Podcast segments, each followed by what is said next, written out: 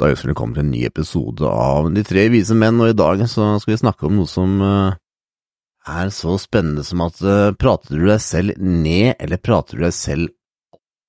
Og jeg tenkte jeg kunne begynne med en historie fra her om dagen. Jeg, jeg har jo jobbet med det med angstproblematikk i tolv år eller noe sånt, og her om dagen så våkner jeg 0450 at jeg har en eh, Jeg ligger på ryggen, jeg har en hand som ligger da over mitt bryst, men jeg kjenner ikke noe følelse i handa, så jeg vet ikke om jeg rekker å registrere panikken kommer, men jeg setter meg iallfall opp, da, og så tar jeg tak i den armen, og den er sånn geléklump, ikke sant? Du vet når, du vet når han har sovna, så kjenner jeg litt vondt. Men det er ingen følelse, det er stein dau!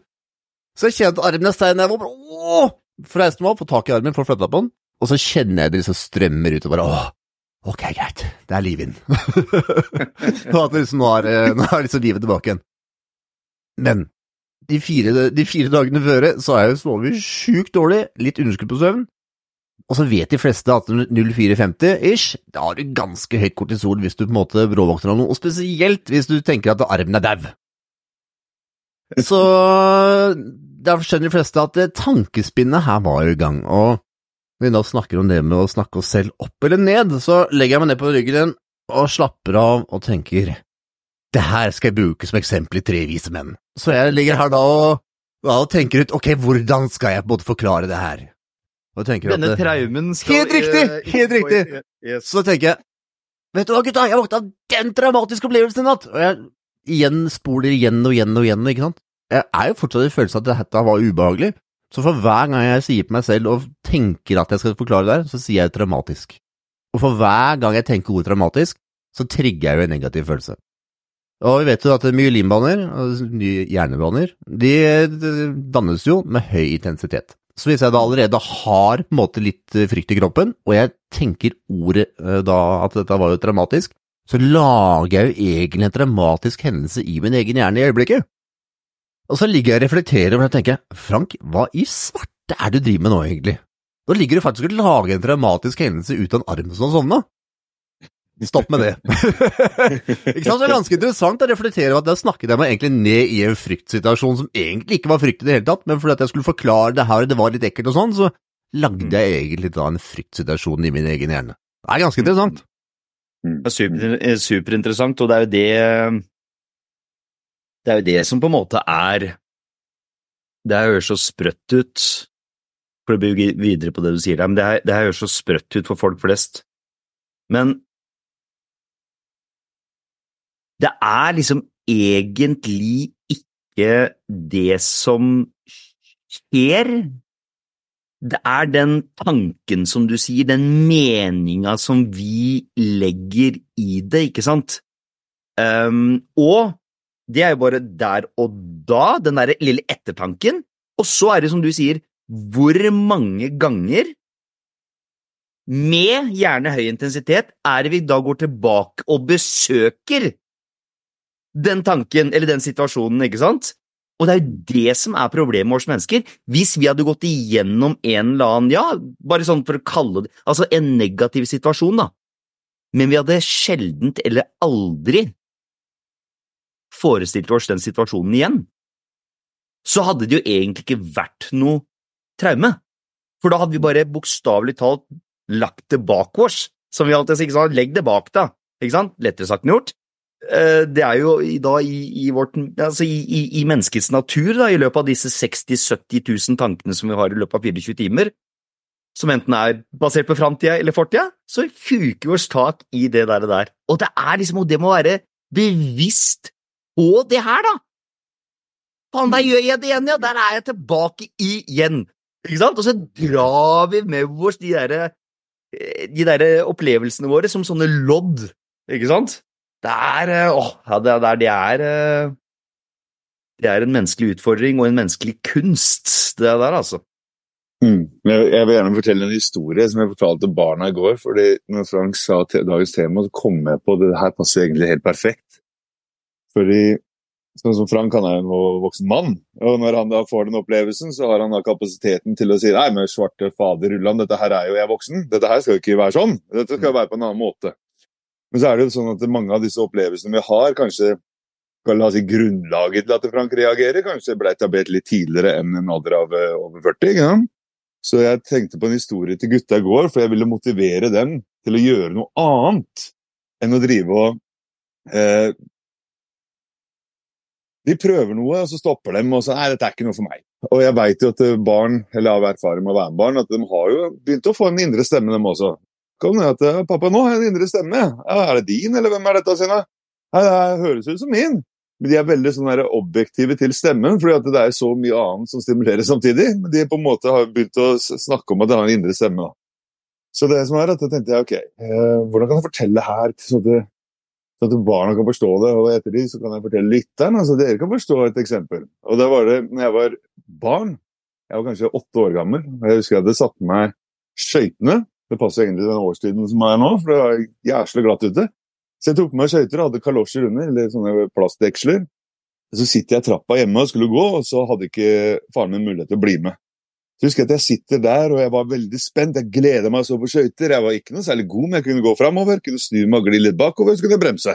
Og Det var den mest avanserte måten jeg følte jeg kunne gli bortover isen på, og det var kjempegøy.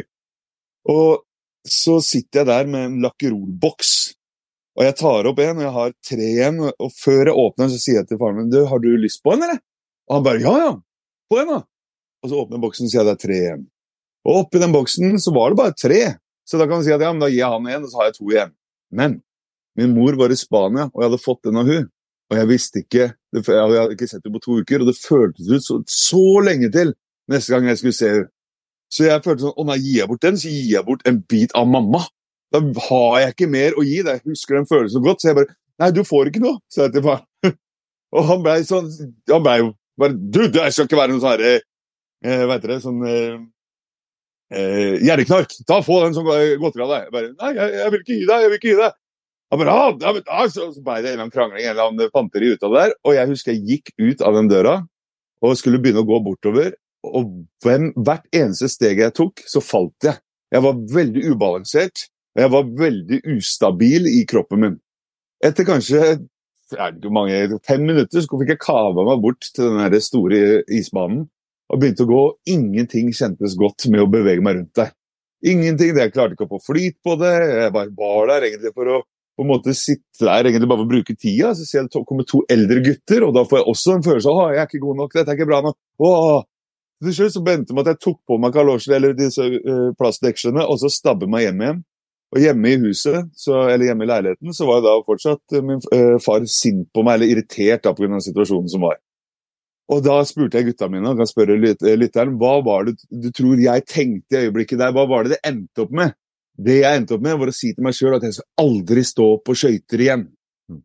Så jeg greide å koble en emosjonell kobling i meg selv så retta fra og det å elske noe til å være gjennom et tidsforløp hvor at jeg koblet det å elske noe til den følelsen jeg fikk, til den stemmen og de tankene jeg hadde, til at det endte opp med at jeg ikke ville gjøre det igjen. Og da kan man si at det, ja, det er en stemme der, det er en følelse der, og det er også noe visuelt der som på en måte vi holder på plass, akkurat som vi låser det fast i ti steder rom. Så når Stian sa det der at eh, vi må kanskje prate oss ut av den tingen, så kanskje det ligger så på en måte Hvis vi ikke er villige til å besøke det, da, så kanskje det bare ligger som en sånn avvisning. Som at Nei, dette er ikke noe for meg. Og da kan man si ja, men jeg, endrer, ja, men jeg prøver å endre selvsnakket mitt, for jeg sier jo dette er ikke noe for meg, men jeg kan si det er noe for meg. Nei, nei, nei, nei. Kanskje det ligger litt dypere her. Kanskje det er noe i oss som rett og slett motorisk sett stritter imot det, for det var én tid den funksjonen funka i kroppen. Men nå i ettertid, kanskje 30 år, 40 år, eller 30 år for min del ettertid, så kanskje det selvsnakken kan være én nøkkel til å begynne å spinne opp og åpne opp til neste steg. Og noen ganger kan dette gå jævla fort. Du kan bare kaste noen på skøytene, dytte den bortover, og så får den den følelsen igjen. Eller det kan være rett og slett en prosess. Og da kan man si sånn at uh, Jeg følte jo det, det er derfor jeg lo i starten, fordi når Frank sa det lå en hånd på brystet mitt, så tenkte jeg For jeg veit her. man fortalte som om det lå en fremmed hånd. Ja. Da hadde jeg også freaka ut. Ligger en fremmed hånd på brystet mitt. Ah! Så bare det at han forteller noen ord hva han opplever, kan det også misforstås fra et annet perspektiv. Da kan man si at det, ok, hvis vi kan få ulike perspektiver av samme historie, går det an å bruke andres tilnærming til historien, så at den kan endres for meg også. Eller opplevelsen at selvsnakken blir annerledes, med andre toner, andre eh, nyanser, da. For å si det sånn. Veldig godt, eh, veldig godt eksempel, godt sagt. Eh, det er derfor jeg alltid pleier å også både spørre meg sjøl, stille meg sjøl det spørsmålet. Jeg har jo allerede stilt det uten å forklare så veldig mye rundt det i eh, en av de tidligere podkastene våre. Og det er alltid sånn, hvis det er noe du tror, hvis det er noe du virkelig er sånn ordentlig engaged in, gjerne negativt da, ikke sant, så liksom virkelig stoppe opp og stille deg sjøl det spørsmålet, er det sant? Er det sant? Det jeg holder på med nå, på en måte, ikke sant, er det, er det en sannhet? Ikke sant? Og, og problemet vårt er jo det at eh, Sånn som du sier, eh, når vi opplever de tinga sånn som du opplevde eh, når du var liten gutt her, ikke sant, de seks til syv første åra, så tar vi jo det direkte til identitetsnivå, ikke sant? Hvis du blir avvist da, én eller to ganger, gjerne da med høy intensitet, da, ikke sant, så er det sånn Jeg blei avvist. Ikke sant? Og mange mennesker de tar jo med seg det her resten av livet. Hver gang de får en avvisning, så føler de at jeg, i den, i hele meg, blir avvist. Men det er klart, og grunnen til at jeg nevner det her, er for at, som du sier også innledningsvis med det med Frank, ikke sant?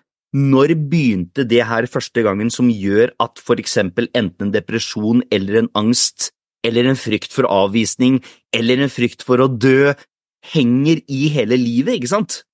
Mm. Og det er litt sånn som doktor Gabor Maté snakker om, som liksom har, er kanskje en av de som har forska mest på traumer og PTSD.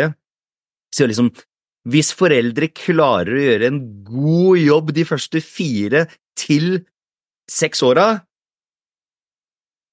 da er det meste på en måte innafor. Ikke sant? Hvis et barn får en traume i gåseøynene, en utfordring, når jeg er fra syv, åtte, ni år, mye lettere å takle det da. For det da, som du snakka om da, Jo, da begynner den indre stemmen lite grann å komme på bane, ikke sant? Et sånn snev av refleksjon, indre dialog. Men de første seks til syv åra er jo nesten som en psykedelisk opplevelse, der barnet bare tar inn alt, ikke sant? Det er jo ikke noe filter i det hele tatt. Alt mamma og pappa sier og tror, enten på energetisk plan, hva de gjør, og spesielt hvis de sier én ting og faktisk viser og gjør noe annet. Det er ikke rart at barn blir helt, helt skrudde, ikke sant?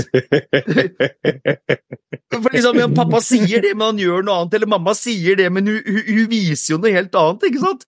Mm. Og selvfølgelig, ikke sant? Vi, vi, vi, ingen er jo feilfri, på en måte, og det er derfor vi er sånn halvskrudd alle sammen.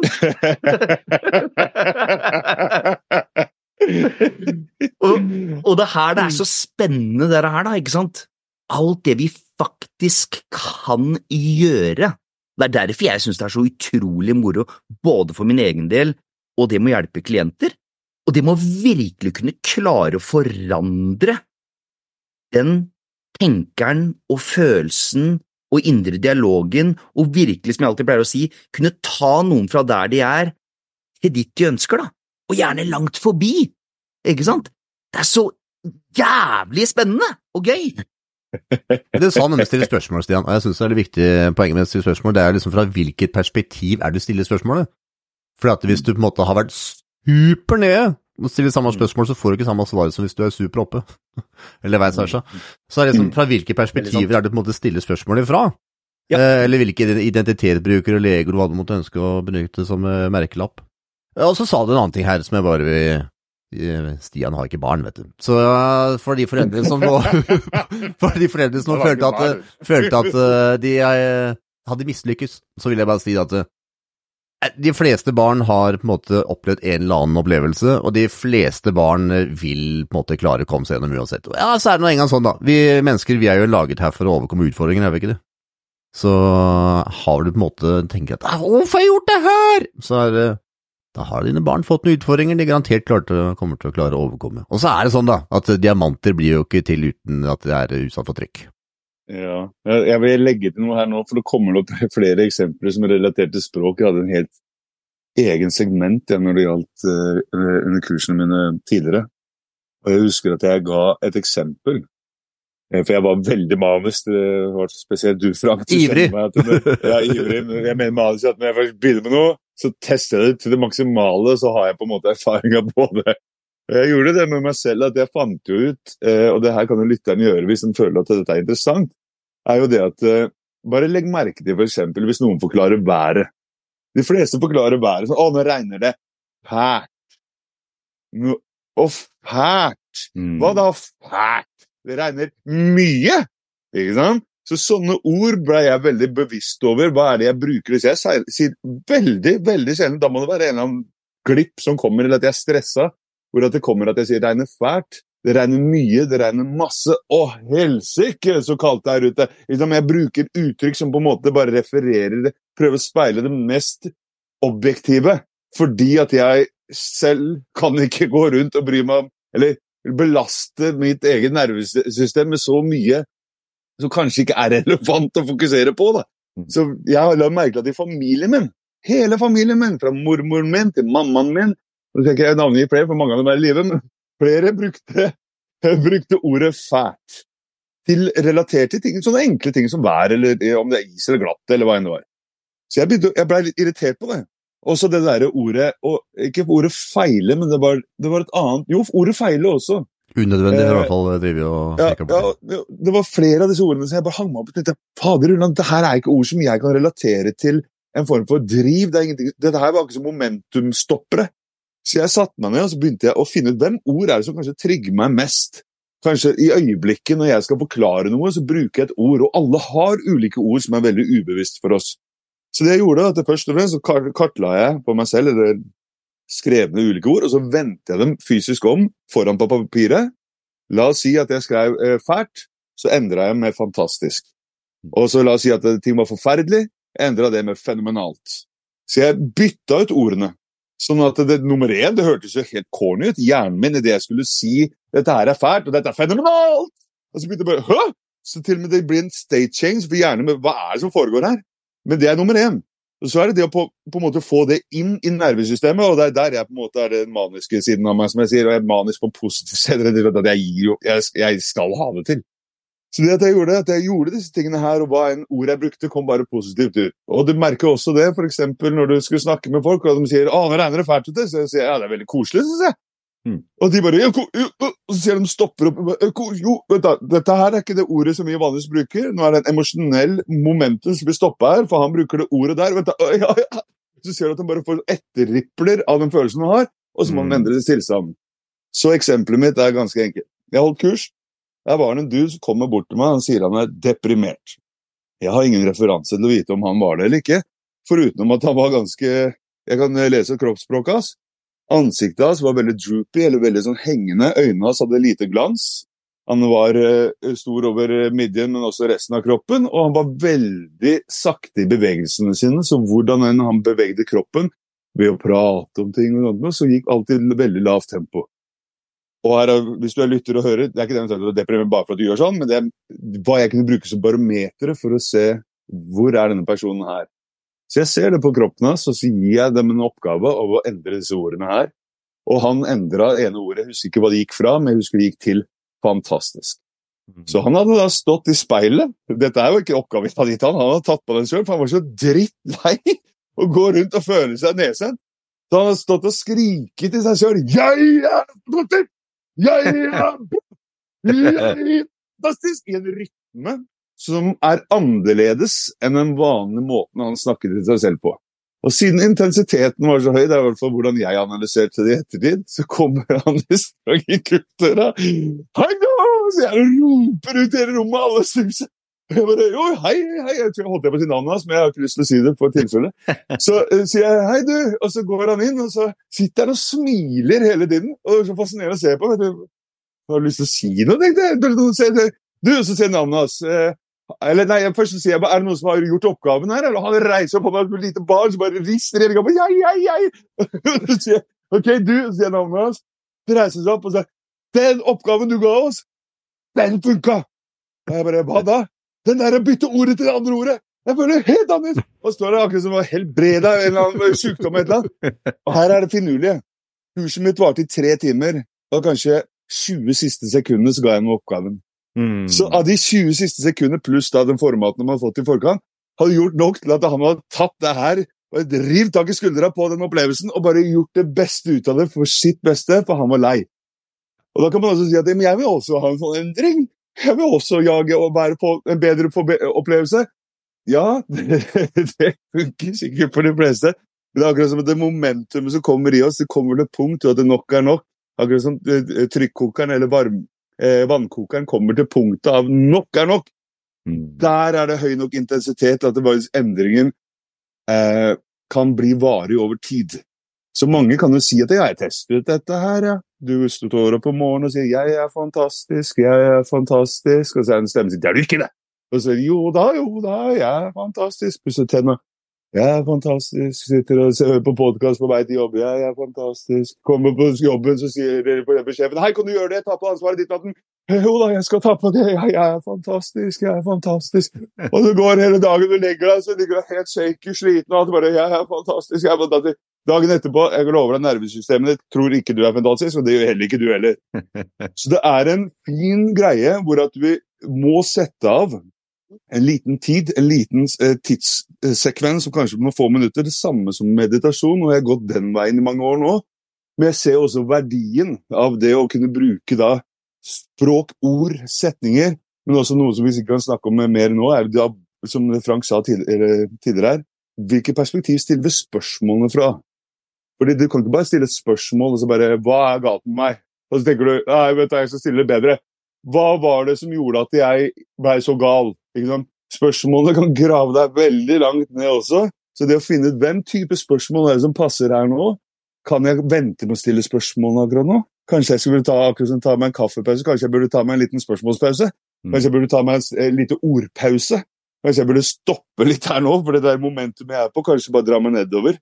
Nå ranta jeg veldig mye her, men bare for å snevre det opp til hva poenget mitt var, er egentlig det at eh, vi kan gå i så detaljer og begynne å endre ord, vi kan endre setninger, endre fraser eller spørsmål. Men ikke gjør den gale tingen jeg gjorde, at du bare hopper på det og begynner å endre alt. For jeg mista noe på veien, jeg. Jeg mista evnen, og det her er noe jeg må være helt ærlig om, og egentlig vært lenge nå, med de rundt meg, at jeg mista evnen til å føle de negative følelsene. For jeg var så oppspint på at jeg aldri skulle føle negativt igjen. Så jeg gikk jo rundt som en sånn positiv liten lysstjerne som bare lyste positivt mot andre. Og uansett hvor dårlig folk hadde det, så klarte jeg ikke å forstå det, for jeg var ikke interessert å høre og føle det greiene der. Og det er jo kanskje like ille som å være nedstemt. Det er å faktisk gå rundt og alltid være oppstemt. Fordi du vil jo bare være helt ignorant. Så, Da da vil jo de som du sier, de som er nedstemte, de vil jo nesten ha en allergisk reaksjon på det. ja, ikke sant? Du vil jo bare Sånne folk orker jeg ikke å ha i livet mitt, liksom. De er så negative, liksom, ikke sant? Det er, eh, nei, og det, og det, det, det er så interessant. Um, og igjen, vi har snakket om det her med å stille spørsmål, og jeg mener jo faktisk at uh, kvaliteten av spørsmåla du stiller deg sjøl, de har faktisk potensial til å kunne avgjøre kvaliteten av hele livet ditt. Mm. Hvis du stiller deg sjøl gode spørsmål, ikke sant? La meg si Hva er egentlig angst? Ikke panikkangst, men hva er egentlig engstelse, bekymring, nervøsitet, angst? Hva kommer til å skje hvis økonomien kollapser? Hva kommer til å skje hvis det hadde blitt tre verdenskrig? Hva er det her? Det er dårlige spørsmål! Ja. Det er det engstelse egentlig er. Det er dårlige spørsmål! Det er negative spørsmål! Så derfor sier, prøv i hvert fall da å, å, å stille deg sjøl liksom det motsatte spørsmålet, da, ikke sant? Hva hvis det motsatte skjer? Altså, og bare, bare da igjen, det blir litt det samme som du sier, bare prøv, prøv å switche den indre dialogen, bare istedenfor at du kan switche spørsmålet. Hva hvis, som sagt, hvis økonomien kollapser sånn, og så tenker du, ja, hva hvis det går bra? Eller hva kan jeg gjøre, vil jeg vel kanskje? Ikke sant? Hva, hva, jo, men altså liksom sånn, hva om økonomien faktisk kommer til å thrive? Hva om på en måte, for å bare skifte ditt eget perspektiv òg, ikke sant? Mm. Og jeg vil også dra en kjapp historie der, litt tilbake til det når jeg var, eh, når jeg var ung og sånn, ikke sant, og at det eh, kan eh, ha en påvirkning. Og det som er veldig interessant der, jeg husker eh, når faren min og mora mi skilte seg da jeg var seks og et halvt år, så skulle jeg være med inn der første gangen til Drammen og møte min eh, stemor. Og jeg var liksom litt sånn åh, det var rart, og jeg husker jeg hadde liksom litt sånn sommerfugler i magen, men det var litt sånn koselig, og det var liksom litt sånn jeg, jeg husker vi spilte Roxette i bilen, og, og, og liksom, jeg, jeg, var liksom litt sånn, det var, det var, litt spennende, det var litt, det var litt sånn, å, vi skal ut på tur, jeg skal oppleve noe nytt nå. Og så husker jeg jeg kommer opp i den trappa, i den mørke trappeoppgangen, og så lukker hun opp døra, og så kjente jeg bare, å nei, å shit, det her føles ikke bra i det hele tatt. Jeg kunne kjenne at den personen her ikke ville ha meg her. Og lang historie kort, ikke sant, det var der noen helger og sånn, og det endte jo opp med at hun fortalte meg hvor stygg jeg var, hvor ubrukelig jeg var, hvordan jeg ødela livet hennes. Jeg var liksom seks og et halvt år, og jeg var ikke noe Selvfølgelig, jeg var som alle, kunne sikkert Og det her var jo mest fordi jeg kjente jo på det her, hun ville jo ikke ha meg der, hun ga sånne små drypp, og så ville jo jeg hjem, og så blei det sikkert litt frustrasjon mellom de to, og da begynte han med de tinga her, ikke sant, og bare pøste på. Og jeg har jo alltid da sagt at jeg tror det var noe av det som gjorde at jeg da um, ikke følte meg i hermetegn bra nok. At det, det, det, var litt starten på den programmeringa til at jeg ikke følte meg bra nok. Eh, ikke bare dere her, men, men, det som er interessant nå, da, er jo da, ok, men det kunne vært en helt annen person. Han hadde kanskje, eller hun hadde kanskje blitt lei seg. En annen hadde blitt mer engstelig, eller mens en annen hadde bare blitt forbanna. Og selv om de var seks og et halvt år, og kanskje bare hatt en sånn liten indre dialog, bare sånn blitt sint, og bare sagt 'jeg skal vise deg', på en måte. Eller, sant? Eh, så, så, så poenget er at det, det her med årsak og effekt, det er ikke liksom en objektiv sannhet rundt det heller. For noen barn, det er som jeg sier, vi mennesker, barn, tenåringer, voksne og eldre, vi vokser mest psykologisk sett når vi har den perfekte balansen mellom støtte og utfordring, mellom medgang og motgang. Så for å dra det litt tilbake til det som jeg sa først, på en måte, ikke sant, at hvis på en måte han har en traumatisk barndomsånd, så vil det alltid være negativt? Nei, det vil ikke det. For at det som er negativt for noen, vil noen bruke som fuel of fire til å vokse seg. Altså, vi vet jo det, er det veldig mange bortskjemte barn som fikk alt servert på et sølvfat og blei sydd puter under armene og hadde foreldre som bare sa du er verdens aller beste, du er pappas lille prinsesse, du kan… Som, som, som på en måte eh, virkelig kommer til å søke utfordringer, som virkelig kommer til å liksom bare klappe seg selv på skuldra hvis de får avvisning, og bare kjøre på og kjøre på sannsynligheten for det er nok at det er ganske lite. Eh, altså, Mm, det det er ganske sånn. lite sannsynlighet for det, ikke sant? Mm. Og så har du da andre som har fått motsatt Jeg hadde for eksempel, jeg vil jo ikke si noe mer spesifikt, men i hvert fall det var en som kom fra Midtøsten, en klient av meg, drivde en sj- tre businesser. Tjent masse penger, solgt den, tjent masse penger, solgt neste, var nå i gang med den tredje, tjent mangfoldige millioner kroner. Sleit litt med forholdet sitt, eh, det var derfor han kom til meg, men han hadde jo mista hele familien sin. Han kom hit aleine når han var ni år, uten noen, og har da bare blitt helt rå og snudd det her ikke sant, til noe positivt. Ok, så vil du alltid få en eller annen traume, og det vil påvirke et eller annet. For hans del så var det kanskje relasjoner, da, ikke sant? Men, men, men poenget mitt er at det, mens andre hadde jo kanskje bare jeg holdt på å si tatt livet av seg, ikke sant? Mm. Mens andre hadde kanskje fått mer angst, noen hadde blitt Så, så det er liksom, og grunnen til at jeg forteller det her, da, er jo bare for å trekke det tilbake til det Frank snakka om, det som du snakka om, og det her med de spørsmåla og den indre dialogen. Og om du tenker, kjære lytter, det er ikke så mange som er klar over det her heller, men bare vær observant på hvordan er det jeg tenker.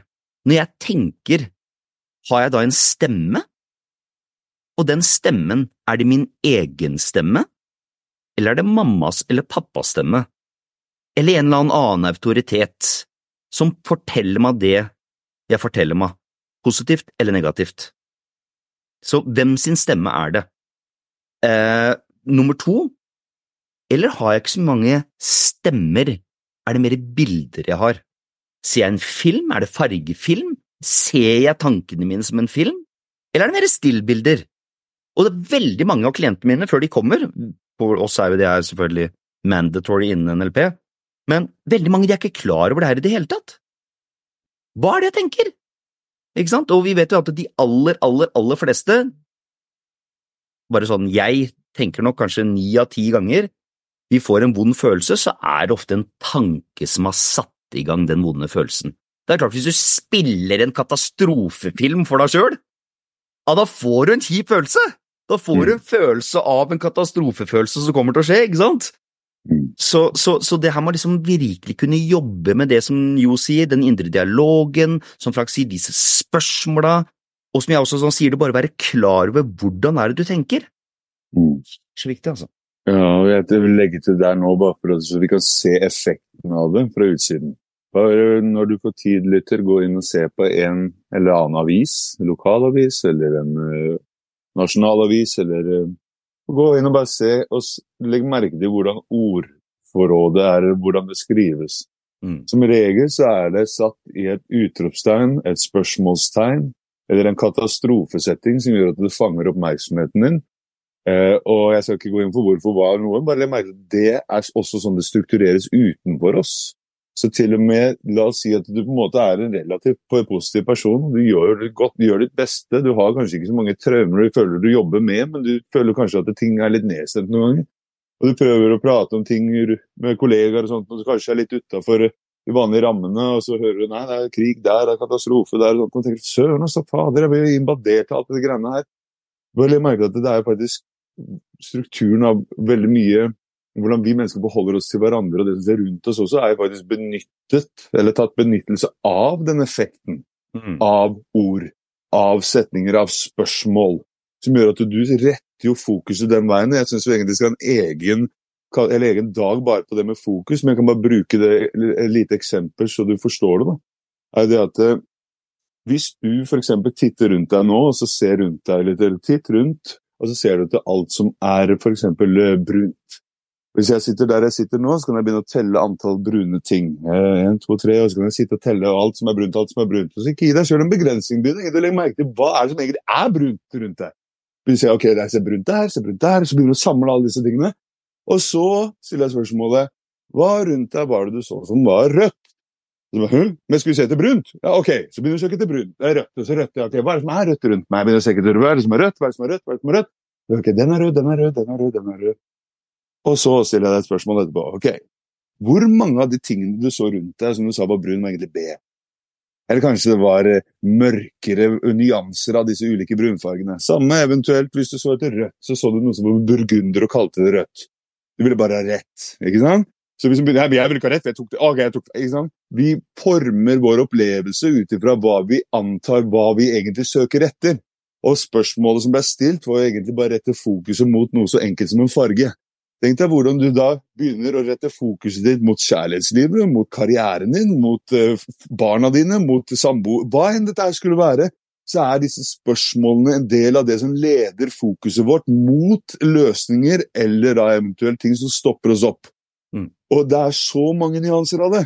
Fordi du kan jo også stille disse spørsmålene og få svarene, og som regel så får vi svar vi vil ha i en form av det som gjenkjennes rett for oss. Det er ikke alltid det føles godt, men det er der vi er hjemme, og det må vi også innom en annen episode angående identitet og sånt noe. For det er helt egen rase, nesten, bare gå inn og snakke om det. For alle disse bitene her sitter sammen til at det er skrudd sammen til at det kalles deg. Men det jeg tror egentlig hele, i hvert fall for min del av podkasten her, ønsker å belyse at det er så mange ulike versjoner av oss sjøl som kan få løst disse utfordringene vi har. Få løst problemene og få gjort ting til det bedre. Selv om det kanskje virker som at det er helt umulig i øyeblikket. Mm. Mm. Jeg tenker Det der med spørsmål er veldig viktig, men det der, i hvert fall legge seg for egen del og på en måte hjelpe til andre, så er det hvilken, hvilken setting jeg sa i stad med det der med, med hvilket perspektiv er det fra. Og Noen ganger så kan det lønne seg å må ta litt stillhet før man stiller seg spørsmål òg. Hvis man er veldig gira og det liksom går i 100 km og du kanskje prøver å Krisen er tilnærmet på et eller annet slag, kanskje ikke det beste tiden å stille spørsmål heller. Så liksom eh, ta roen ned og få senka skuldrene, ok, greit. Nå har jeg på en måte roet meg ned. Hvordan har jeg ikke lest situasjonen jeg står i? Så det er det som er litt sånn derre Hvis man aldri har stilt seg selv spørsmål før, og det er helt nytt, så er det liksom å gi litt sånn kontekst, da. Hvor er det liksom er en fin, fin måte å gjøre det på? Og iallfall roe seg ned først, i hvert fall. Hvis det er eh, konflikt med noen eller er et eller annet som skjer, så liksom ok. Step, ta noen step tilbake og ro ned og så still spørsmålet ok, hva kunne jeg gjort bedre i den situasjonen, eller hva kan jeg forbedre, hva kan jeg lære av det, eller hvordan kan jeg tilnærme den personen på en bedre måte, eller kan ta altså, ja, ta noen skritt tilbake før du begynner å stille spørsmål.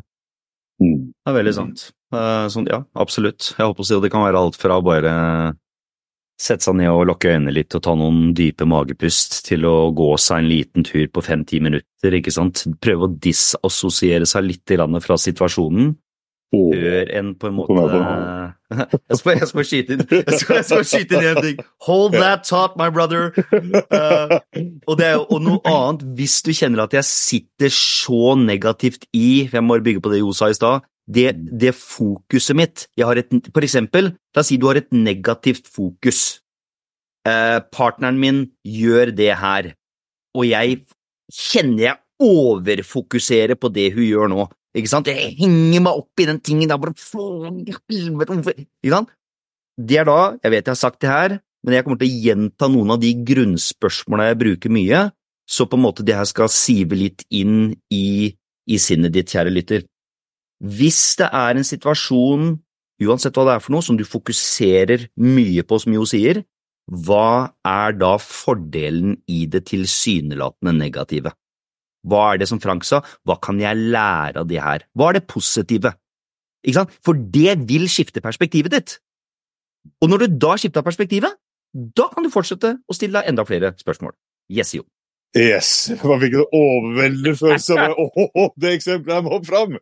Det er sånn at La oss si det sånn her, og dette her er spesielt i relasjoner, men det kan være i alle typer kontekster, egentlig. La oss si du har en utfordring, hva enn konteksten er, og du kjenner at vet du hva, jeg blir lettere på trykket.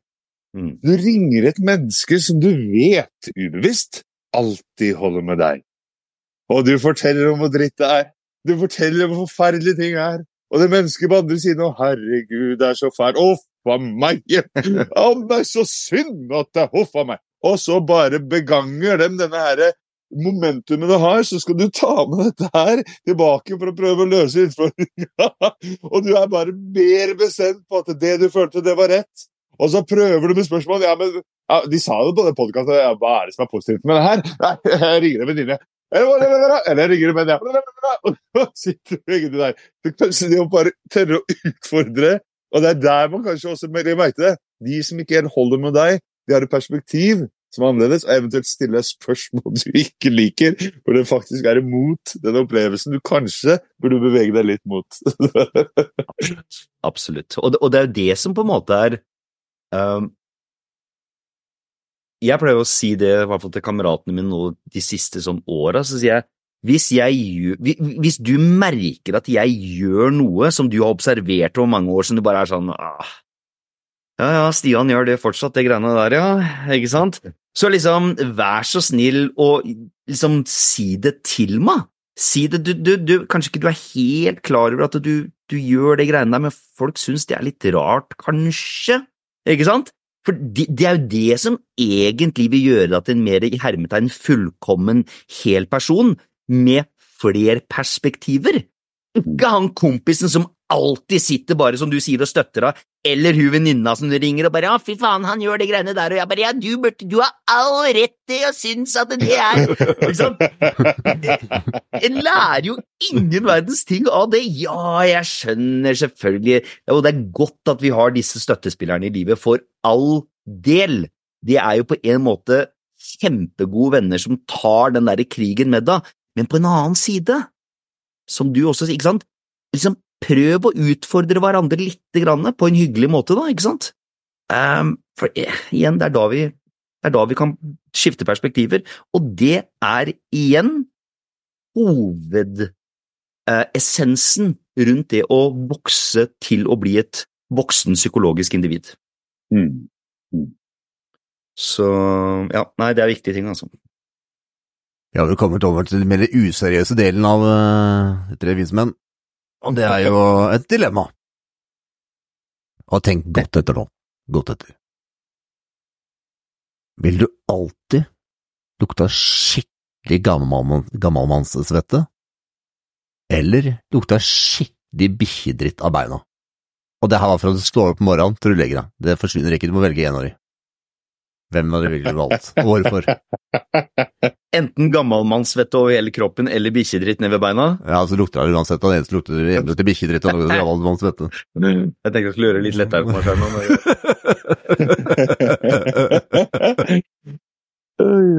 Oi. Disse bildene som dukker opp i hodet, det er så sykt. Det er nesten sånn at jeg føler at Frank kan drive og, drive og, og sånne, eh, bak ryggen min observert mine samtaler som jeg prata med ham om. Og det er sånn det, det, det, her, det Dette her kommer til å stille spørsmål. Så er det et dilemma jeg sitter med. Fader! Helvete! Det må jo gå den ene retningen, for den andre er sann. ikke sant? Nå vet vi hva Frank går og tenker på når han går sine turer. i oh, den der, der er jo helt umulig å svare på. jeg hadde lukta dritt på meg Men jeg pakka det i plast, og så hadde jeg bare flydd rundt. Fordi jeg opp, opplever sjøl at jeg lukter ganske mye gubbe allerede. Så jeg tenker sånn så Vi går for noe nytt! Det Variasjon i hverdagen blir bra. Og det der tror jeg var en av mine største skrekker. Er, sånn, jeg er jo litt sånn overhygienisk av meg når det gjelder kroppslukt, liksom. Så for meg så hadde det der bare vært helt døden begge deler. Men jeg må si takk for at du satte meg på den tanken. Så jeg må nok bare, jeg gjorde det sist gang også, men jeg må nok bare hoppe på Jo der, altså. For det er som du sier, hvis en kunne pakka inn beina, på en måte, så hadde det vært, eh, så hadde det vært gunstig. Hvis det hadde lukta hundedritt over hele seg, eh, eller gammalmann, da tror jeg kanskje jeg hadde valgt gammalmannssvette. For det hadde Ja. vært enda mer weird hvis du hadde lukta bikkjedritt over hele deg. Fra topp til tråd. Det blir en fin karriere for bikkjer. da. Bikkjetrening. Avling av hunder. Nei, jeg går helt klart for gal mann, jeg, altså, jeg er der allerede. Jeg kjenner, jeg, jeg, jeg eier den lukta. Det er, det er noe bare eier òg. Ja, det er sant. Det er viktig å ta eierskap til det. Jeg kan lukte gammel mann, men det å eie det med Ja. Ja, nei, den er der. Det, det som var så vittig, av en eller annen merkverdig grunn, det jeg trodde du kom til skulle si, det var sånn Hadde du vilt lukta gammalmannspikk eller bikkjedritt? Jeg vet ikke hvorfor i all verden det Men jeg må også si det her. Jeg må si det her også, at det, det er det som er litt trippy med å stille det spørsmålet på slutten. For dette her er liksom positivt og morsomt, men det sitter litt å være Når jeg tenker på det, så får jeg liksom følelse av ubehag. Det er ikke sånn at det bare er moro. Det er jo faktisk sånn øh, Æsj! Hva, hva er Ikke sant? Det er jo liksom en god blanding der, altså. Ja, uten tvil, ass. Uten tvil. Uten tvil. Men Så til Ja, ja, ettertanke. ja. Ja. Kreative, kreative spørsmål du kom med på slutten her, Frank. Så vi må jo bare takke alle de som gir oss femstjerners på lyttermediene. Og gjerne fortsett med det, da, for det hjelper oss å komme opp på algoritmen, og de som legger inn kommentarer også. Helt fantastisk. Ja, og, ønsker, og ønsker du å støtte podkasten, så kan du vippse på Tre vise menn. Det er der det er kjøp og betal. Og de som eh, da donerer over 100 kroner, de er med på en trekning av en bok i slutten av året. Så til neste, Andre. Ha en fin dag, da! Yes. Ha det bra. Ha det. Ha det. Ha det.